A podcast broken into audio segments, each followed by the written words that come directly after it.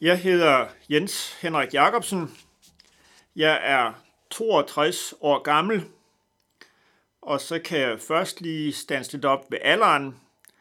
Når man er 62 år, så er man jo nået dertil, hvor livet og helbredet ikke bare er en selvfølge. Heldigvis er jeg blevet velsignet med et nogenlunde godt helbred indtil nu, men kender også mange på samme alder, som bliver ramt af forskellige ting. Så jeg vil sige, at jeg er nået den alder, hvor man hvor livet ikke bare er en selvfølger, hvor man også kan være taknemmelig for, for hver dag, man får, får lov til at have det godt. Jeg er født jo for 62 år siden, men jeg er født i Vendsyssel, langt væk fra København. Født på en gård, en slægtsgård i nærheden af Lund. Og på den måde er jeg nok lidt speciel ved, at jeg er opvokset på en, en slægtsgård, som har været i den samme familie i fire generationer. Gården blev grundlagt af min oldefar i 1866, tror jeg, og så være i slægtens eje siden, men dog øh, blev den for halvanden år siden solgt, solgt til fremmede, så nu er den ikke længere i familiens eje.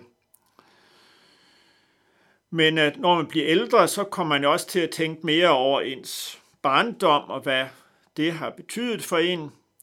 Og jeg er taknemmelig også for den ballast, jeg har fået med fra barndommen. Det var tit hårdt arbejde at være på en gård, men det har man nok også lært noget godt af. På et tidligt tidspunkt i mit liv gik jeg med tanken om at gerne vil være præst. Det var en tanke, som modnedes for mig igennem flere år. Jeg kan huske, det var en gang i skolen, vi havde besøg af en erhvervsvejleder, hvor vi så hver især skulle sige, hvad vi gerne vil være eller uddanne os til, når vi blev voksen. Det har måske været i 6. klasse eller noget i den retning. Og der sagde jeg frisk og frejdig, at jeg ville gerne være præst, selvom det var ikke det, man blev mest populær for at sige. Men øh, det var altså en tanke, jeg jeg havde allerede på det tidspunkt.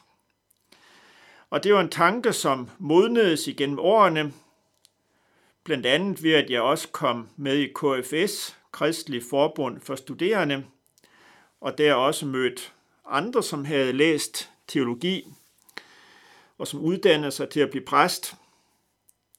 Og i ungdomsårene, der blev troen på Gud også mere levende og nærværende og personlig for mig, og det var selvfølgelig også medvirkende til, at jeg besluttede at tage uddannelsen som præst. Det var lidt hårdt forløb igennem gymnasium og universitet af uddannet i Aarhus, men det lykkedes, og jeg afsluttede uddannelsen i 1984. I 1985 bliver præst ved Solvang Kirke i København, de første to år som hjælpepræst på halv tid, og fra 1987 øh, på fuld tid som sovnepræst. Og hvorfor bliver præst i København? Det var langt væk fra Vendsyssel og fra Jylland. Og det kan jo godt virke lidt tilfældigt, at det lige var i København. Jeg søgte stillinger mange forskellige steder i landet. Men jeg har altid følt det meningsfyldt, og jeg har altid følt, at det var det rigtige sted, jeg var kommet. Og det er jo godt. At være præst så mange år på det samme sted, det indebærer også nogle udfordringer. Det kan indebære en fare for, at man også kommer til at køre for meget i rutine. Men jeg har altid som, som motto eller som, som ønske haft, at bevare glæden og bevare gløden.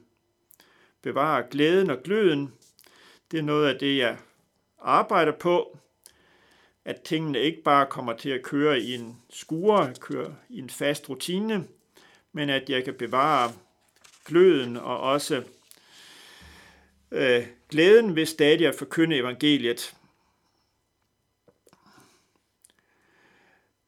Nogle af de ting, som er min hjertebørn i arbejdet i Solvang Sogn, og som jeg også har været med til at starte op, der kunne nævnes onsdagshjørnet, som er et spise- og værested, vi har hver onsdag, hvor man kan komme og købe varm mad for til billig pris. Og det er et sted, hvor der også kommer mange, som bor alene og som måske har en lidt svær hverdag.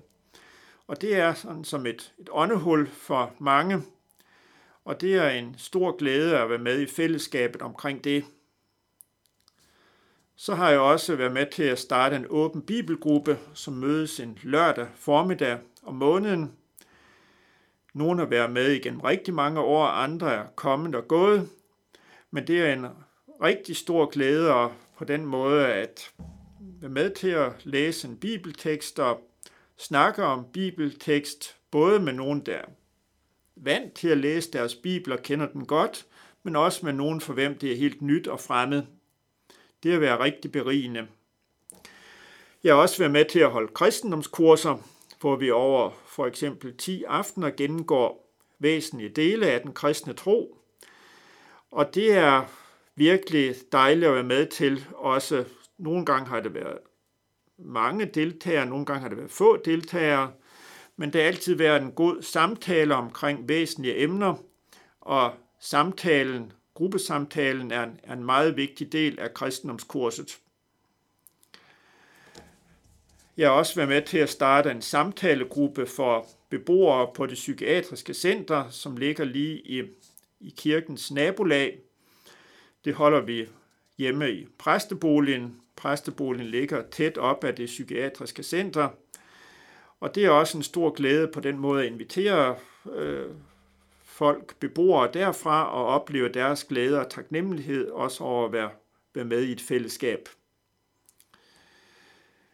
Ja, det kunne nævnes mange andre ting fra, øh, fra hverdagen, men øh, mm, i det store hele vil jeg sige, at, at jeg synes, at det er et godt og meningsfyldt arbejde, som jeg håber, jeg kan beholde lidt endnu.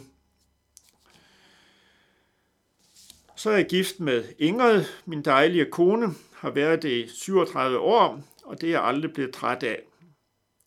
Hun er lige gået på efterløn, efter hun har arbejdet som psykolog i mange år. Så det er på en måde en ny fase også, hvor vi har mere tid sammen derhjemme, og det giver også nogle muligheder. Vi har to voksne børn, som er adopteret fra Colombia. De er nu 32 og 28 år. Den ældste af dem har seks børn, så vi har seks børnebørn. Og det at få børnebørn, det er jo også en helt ny dimension, der kommer i ens liv. Vi passer dem rigtig meget, og det giver, giver mange glæder i vores liv. Så meget om mig selv, og så skal jeg i denne uge holde notabene-andagter her i nærradioen. Det har jeg gjort mange gange før, og jeg håber, at I vil lytte med. Jeg vil denne gang gennemgå udvalgte vers fra Romerbrevet kapitel 8. Det er et fantastisk kapitel. Der er sådan noget sejrende og triumferende over det kapitel. Det handler nok om, at livet er en kamp, men også om, at vi ikke er alene i den kamp, og at vi skal sejre ved Guds hjælp. Den første sætning i kapitel 8, og det er også den, der overskriftet for min første notabene andagt i morgen, det er, så er der da nu ingen fordømmelse for den, som er i Kristus Jesus. Og det er jo en dejlig sætning eller en dejlig overskrift. Men jeg håber, at I vil lytte med, og jeg glæder mig til fællesskabet med jer lyttere. Tak.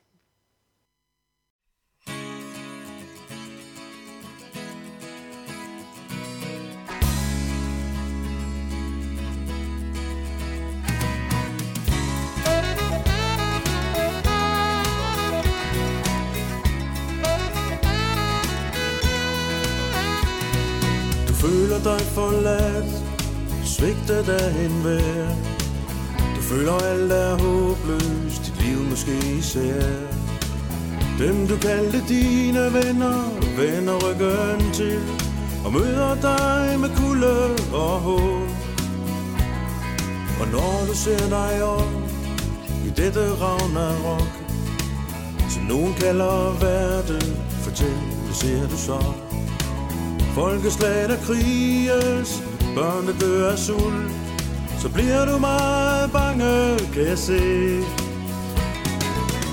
Aldrig alene. Aldrig forladt. Jesus han følger dig. Hver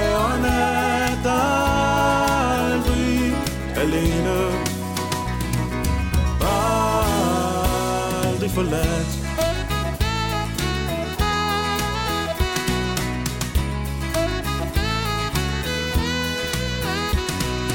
Manden der døde på plankerne af træ Spotte der plaget, han gjorde det for dig.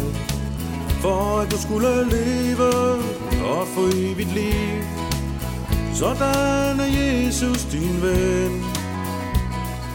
Han kan hjælpe dig til et bedre liv.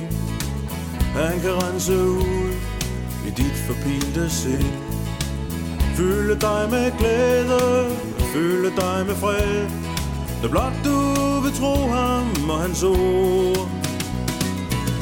Aldrig alene. Aldrig Jesus han følger dig. Dag og nat Aldrig alene. Aldrig forladt.